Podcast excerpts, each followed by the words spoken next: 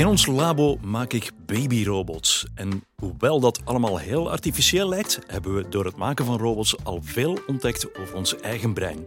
Hallo, computerwetenschapper Tony Belpame. Dag Tom. Welkom. Dus uh, in jouw labo leert de robot die je zelf hebt gecreëerd jou nieuwe dingen over jezelf. Zo is dat. Dit wordt een mind-blowing college, ik voel het nu al. Hoe leert een robot je iets over de werking van je eigen brein?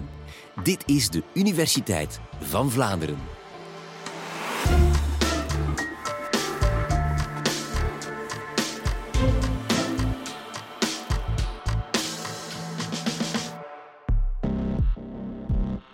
Ik ga het vandaag hebben met u over de hersenen. Wat gebeurt er precies tussen je twee oren? Alhoewel we al heel veel weten over de biologie van hersenen, is het nog grotendeels onbekend hoe de 86 miljard neuronen van ons brein samenwerken om ons intelligent te maken. We weten bijvoorbeeld niet hoe we in staat zijn om zo snel te leren, hoe we zo vlot problemen kunnen oplossen, hoe we zo creatief zijn of hoe taal de sleutel is tot onze intelligentie. Ik ben computerwetenschapper. En je denkt misschien, dat is vreemd, geen neuroloog of hersenwetenschapper, maar een computerwetenschapper die ons iets komt vertellen over ons brein. Jawel dus.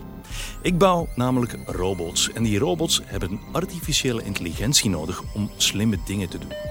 Tijdens het maken van intelligente robots vraag ik me af wat menselijke hersenen precies doen en hoe we een robot kunnen maken die even slim is als een mens. Thank you for your cooperation. Als we iets namaken, dan is dat een uitstekende manier om iets te doorgronden. Wil je weten waarom cake zo lekker is, maar niet zo gezond is? Bak dan zelf een cake. En dan krijg je meteen voeling voor hoeveel suiker en vet een cake bevat. Maar gaat dat ook op voor erg complexe dingen, zoals onze menselijke intelligentie? Intelligentie is een van de dingen die we nog steeds niet zo goed begrijpen. Hoe creëert ons brein, dat anderhalve kilo tofu-achtige weefsel in ons hoofd, menselijke intelligentie? We hebben in de laatste honderd jaar op allerlei manieren de hersenen onderzocht via dissecties van dode hersenen, het meten van de activiteit van de levende neuronen en hersengebieden, het scannen van hersenen van proefpersonen. Maar hoe precies ons brein ons intelligent maakt, weten we nog steeds niet. En misschien kan technologie ons helpen om onze hersenen beter te begrijpen. Vanaf het moment dat we computers begonnen te maken, begonnen we meteen ook te denken aan hoe we die computers intelligent kunnen maken. De pioniers van de artificiële intelligentie waren erg ambitieus. Ze wilden hele slimme computers. En wat is wat het slimste wat een mens kan doen? Wel, in de jaren 50 van de vorige eeuw dachten ze dat dat schaakspelen was. Niemand wordt zomaar een schaakkampioen. Het kost jaren voor je schaak op niveau kan spelen. Dus als we erin slagen om een computer even goed of zelfs beter te doen schaken dan een mens, dan kan hij alle andere dingen die onze hersenen doen vast ook. En in 1997, na bijna 40 jaar werk, hadden we eindelijk een computer die alle mensen kon verslaan in schaak. Blue has defeated world champion Gary Kasparov in an absolutely stunning. En toen leerden we meteen een eerste belangrijke les. Ook al kan onze supercomputer beter schaak spelen dan eender wie op de planeet, hij kan niks wat een peuter van twee wel kan. We hebben nu die computer, maar eigenlijk die, die kan helemaal niks. Die schaakcomputer die begrijpt geen woorden, geen beelden. Hij kan niet stappen of blokken stapelen. Dingen die heel eenvoudig zijn voor een peuter, maar onmogelijk voor een computer. Hij kan niet eens, zoals mij hier nu, een balpen vastnemen en klikken. Eh, de les is hier dat intelligentie veel meer is dan schaken alleen. Het is beter om te spreken over cognitie in plaats van intelligentie. Cognitie is de verzameling van vaardigheden die ons toelaat om te leven. Een kopje vastnemen, het naar onze mond brengen, het lezen van emoties op iemands gezicht en die dan ook begrijpen. Dingen die heel eenvoudig lijken voor ons, maar die ontzettend moeilijk zijn voor een computer. Om even terug te keren naar ons schaakspel. Hè. Schaakspelen, nadenken over waar je je koningin of je paard naartoe gaat verschuiven, dat is intelligentie. Maar het oppikken en het plaatsen van dat schaakstuk, dat is cognitie. En daar kan onze schaakcomputer eigenlijk heel weinig over zeggen.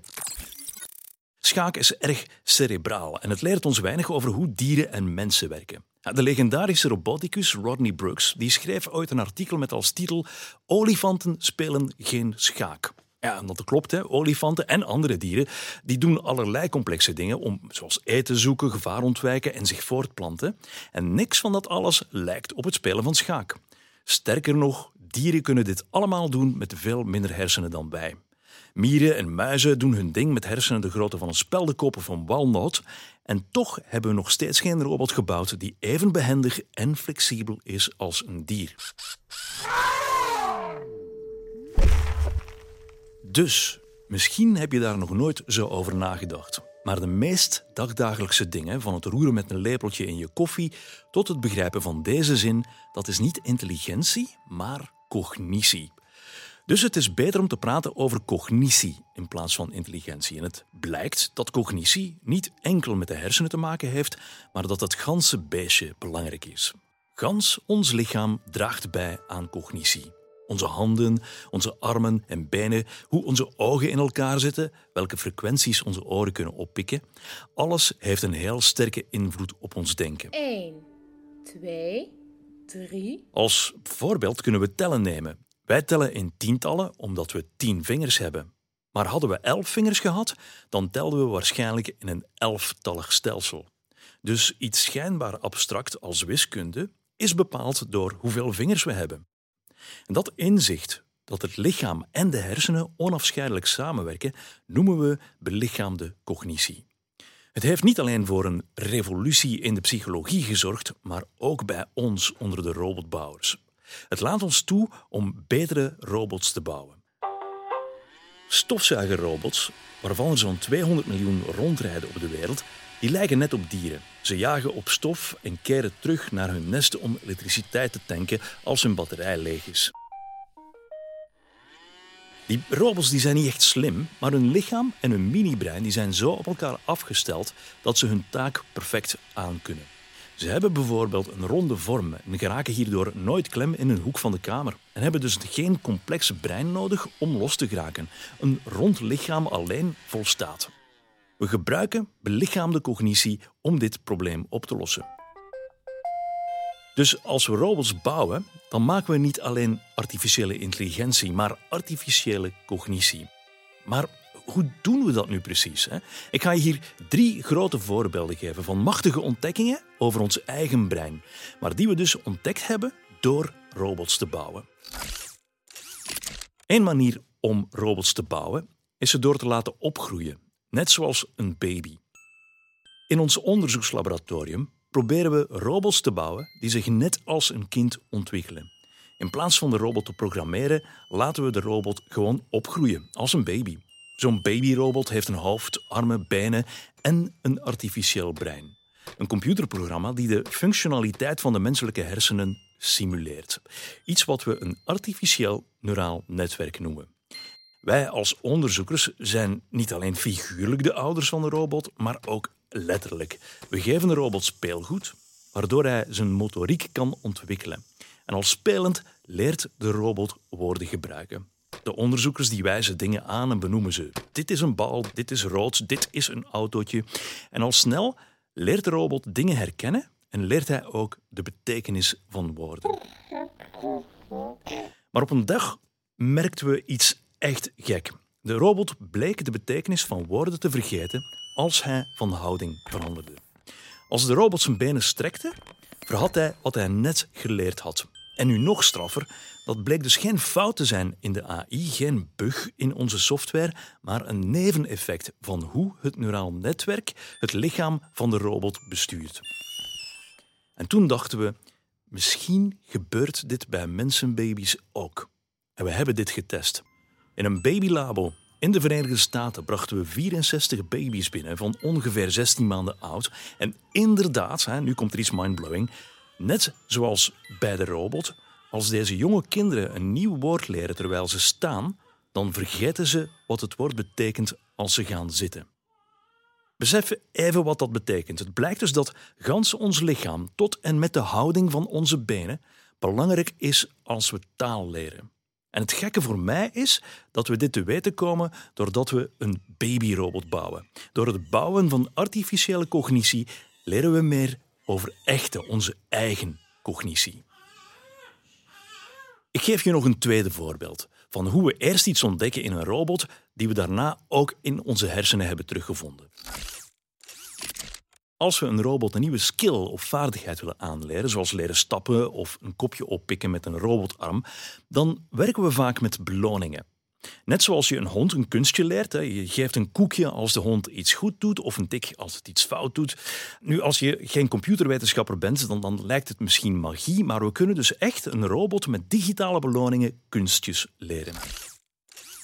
En wat blijkt nu? We hebben ook zo'n leersysteem in onze hersenen zitten. Het dopamine-systeem. Dopamine is een molecule die boodschappen stuurt tussen neuronen of zenuwcellen. We krijgen een dopamine-shot als we iets goed doen. Meer nog, het is door zelflerende computers te bouwen dat we nu weten dat ons dopamine-systeem probeert te voorspellen welke beloning we zullen krijgen en ons vertelt hoe fout die voorspelling is. En dat is niet enkel zo bij mensen, maar dat hebben we dus ook gemeten bij apen, bij muizen, ratten en zelfs bijen. Onderzoek naar menselijke hersenen en AI gaan hier hand in hand. Recent bleek dat als een lerende computer een verdeling van verwachte beloningen bijhoudt, dat de computer dan beter leert. Dus als een robot of een computer op voorhand uitmaakt of hij nu een goede, minder goede of slechte beloning verwacht, in plaats van altijd eenzelfde gemiddelde beloning te verwachten, dan ontwikkelt zijn AI beter. En we denken dat onze hersenen ook zo'n verdeling bijhouden. Als je op de lotto speelt, dan verwacht je ofwel een miljoen te winnen of helemaal niks. Maar niemand verwacht het gemiddelde van eh, een eurotje te winnen. Nu, het is moeilijk om binnen te kijken in onze hersenen, maar onderzoekers hebben een studie met muizen gedaan de muizen kregen een grote of een kleine beloning en door in de hersenen te kijken, letterlijk het schedeltje van de muis open te maken en met elektroden de hersenactiviteit te meten, zagen onderzoekers patronen die aantoonden dat muizenhersenen rekening houden met twee mogelijke beloningen en niet met een gemiddelde, waardoor ze sneller leren. En we hebben dus eerst ontdekt hoe leren van beloningen werkt op een robot en pas daarna ontdekt dat onze hersenen op eenzelfde manier leren. Nu, als we het hebben over cognitie, dan moeten we zeker praten over ons sociaal brein. En hier kom ik tot mijn derde voorbeeld. De allergrootste prestatie van de menselijke soort is ons sociaal zijn. Geen andere diersoort is zo sociaal als wij. Het mooiste voorbeeld daarvan is ons taalgebruik. Wij zijn de enige diersoort die taal hebben.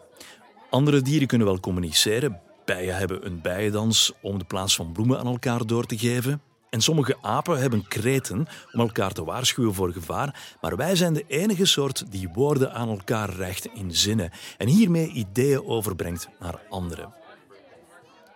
We proberen dus ook computers en robots te bouwen die taal gebruiken. We hebben nu AI-systemen die lijken taal te begrijpen. Als je aan Siri op je iPhone vraagt hoe laat het is of wat de hoofdstad van Chili is, dan krijg je een correct antwoord. En sommige systemen gaan nog verder. GPT-3, een AI-systeem gebouwd door het bedrijf OpenAI, kreeg het ganse internet gevoed om de structuur van taal te doorgronden. En GPT-3 kan niet enkel antwoorden op vragen zoals hoeveel planeten bevat ons zonnestelsel of wie is de president van Frankrijk. Hij kan ook een volledig krantenartikel of een gedicht schrijven. En daardoor lijkt het alsof de AI wel degelijk taal begrijpt. Maar is dat echt zo? Als ik jou een liedje in het Chinees leer, dan kan jij wel de klanken nazingen, maar dat betekent niet dat jij begrijpt waarover het liedje gaat. En dus deze AI-systemen zijn net zo. Het zijn net als papegaaien. Een papegaai die woorden en zinnen geleerd heeft van het internet, maar zonder echt de betekenis van die zinnen te begrijpen. Dit soort AI kan enkel maar met tekst werken. Het weet wel wie de president is van Frankrijk, maar kan Emmanuel Macron niet herkennen op een foto. Door na te denken over waarom computers maar zo beperkt woorden begrijpen, weten we nu dat mensen woorden begrijpen door een combinatie van context en het ervaren wat woorden betekenen. We weten wat het woord stoel betekent, omdat we al honderden stoelen hebben gezien, omdat we weten hoe het voelt om op een stoel te zitten en omdat we het woord gebruiken in zinnen. Woorden begrijpen we door woorden te gebruiken en te ervaren. Eigenlijk is het begrijpen van taal iets erg sociaal. We bouwen betekenis van taal samen met anderen. Iets wat robots op dit ogenblik nog niet kunnen. Dus hoe leert een robot ons iets over ons eigen onbekende brein? Wel, hoe meer we slimme robots bouwen, hoe meer we onszelf begrijpen. Maar ook hoe meer overtuigd we raken dat menselijke cognitie complex is. Erg complex. Ons brein geeft zijn geheimen niet zomaar prijs. En er zijn nog zoveel dingen die we niet weten. Hoe leren we zo snel? Hoe werkt ons geheugen? En wat is bewustzijn? Hoe meer we machines bouwen die het menselijk brein nabootsen, hoe meer we ons verbazen over hoe wonderlijk de mens eigenlijk is. Dankjewel, Tony. Het enige wat ik uh, constant zat te denken was: hoe ziet een gemiddelde werkdag in de babyrobotcrèche eruit? Kom jij dan s ochtends toe en moet jij die dan allemaal uh, begroeten en een verse pamper aandoen? Of hoe gaat dat precies? Ik moet je, nee, nee, de, de babyrobot die, die is heel netjes. Uh, die, die blijft aanstaan voor soms uren aan een stuk. En die, die zit daar met zijn speeltjes. Die, ziet hij echt zijn, handen leren gebruiken. En als die binnenkomt, dan gaat hij oogcontact maken met ons. En, uh, en dat voel je ook wel, dat oogcontact. is zoiets echt die binnenkomt. Je, je, je voelt echt wel een soort verantwoordelijkheid voor je kunstkindje. Dat leren, uh, zonder dat we heel diep in de programmatuur van zo'n robot kunnen duiken natuurlijk. Hoe werkt dat nu precies? Je stopt, je stopt er een soort van basiscode in, maar hoe, hoe leert die code? Zo'n robot die, die begint te leren, die uh, begint heel vaak van, van, vanaf nul. Die weet niks. Hè. En die gaat in het begin uh, zijn, zijn wereld verkennen. Een beetje zoals een baby in de wieg. Een baby in de wieg die weet ook niks, maar die ligt daar maar te spartelen. Nu, dat is niet spartelen. Die baby is aan, iets aan het doen wat we muitenbabbeling noemen. Die, die probeert eigenlijk zijn handjes te, te gebruiken, hè, zijn armen te gebruiken. En hetzelfde gebeurt met de robot. Die leert zijn handen te gebruiken door te spartelen. Na een tijdje kan hij dan al dingen rijken. Eh, een beetje later kan hij dan dingen vastnemen. En tegelijkertijd leert hij dan ook van de geluiden die hij hoort in zijn omgeving, de woordjes die hij hoort, de klanken, te associëren met de dingen die hij ziet. En zo, zo leert hij taal. En dat principe ontlenen jullie, computerwetenschappers, aan hoe dat uh, bij kinderen gebeurt. Dat zijn jullie daar gaan halen. Ja, absoluut. Dus, dus wat er gebeurt in de, in, in, in de mensenwereld, hoe, hoe mensen slim worden, hoe je van baby tot, tot volwassene opgroeit. En in, in, een hele korte tijd dat dat, dat, fantastisch wezen wordt. Um, dat, dat willen wij nabootsen op een robot. We zouden graag robots hebben die even snel en even flexibel leren als mensen. Jullie creëren dus uh, machines die imiteren wat de mens doet. Uh, kan het ooit meer zijn dan imiteren? Of zal het altijd een soort van naspelen van menselijk gedrag blijven? We zouden natuurlijk heel graag hebben dat, um, dat de robot meer wordt dan gewoon een mens. Uh, ik denk elk, elke mens is uniek. Wij zijn ontzettend creatief. Wij, wij kunnen problemen oplossen op manieren die, die, die we vaak nog nooit eerder hebben gedaan. En dat zouden we heel graag hebben voor een robot. Omdat een robot ook zelf zijn problemen kan oplossen. Dat het een, uh, een soort machine wordt die, die uh, als, we, als we het een probleem voorschotelen, dat kan een klein probleem zijn, zoals een kopje oppikken, maar misschien ook een groot probleem, zoals hey, los is, uh, weet ik wat, uh, de klimaatproblematiek op. dat, dat, dat die machines, die robots, op een creatieve manier omgaan met die problemen, dat willen we.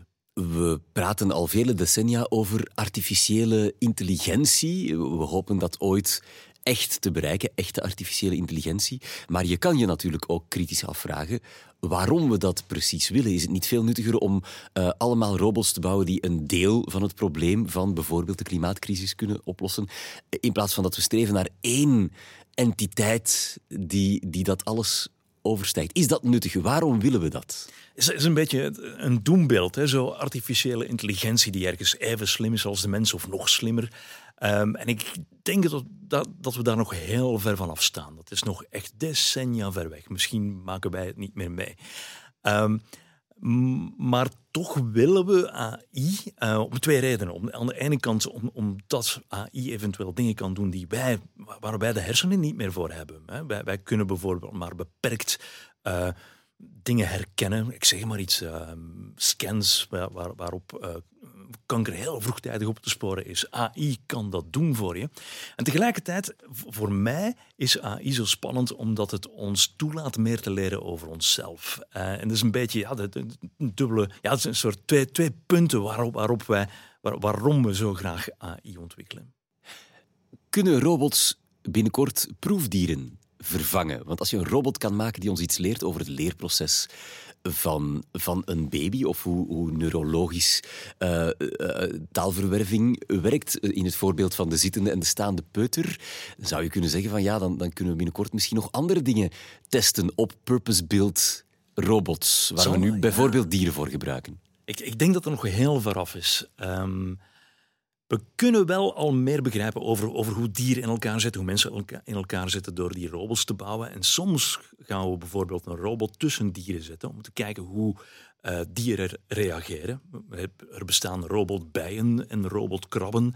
En die gaan we dan tussen uh, andere bijen en krabben zetten om te kijken hoe uh, de, de, levende wezentjes daarop reageren. Dus, dus robots als um, soort ja, uh, tweelingen van andere dieren, dat, dat lukt wel. Maar echt proefdieren vervangen, daar zijn we nog niet aan toe, jammer genoeg.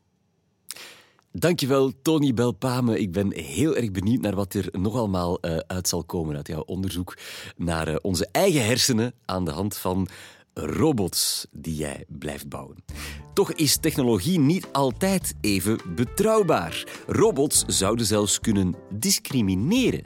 Daar weet moraalfilosoof Kathleen Gabriels alles over te vertellen in podcastaflevering 144. Heel graag tot daar of tot een volgende keer.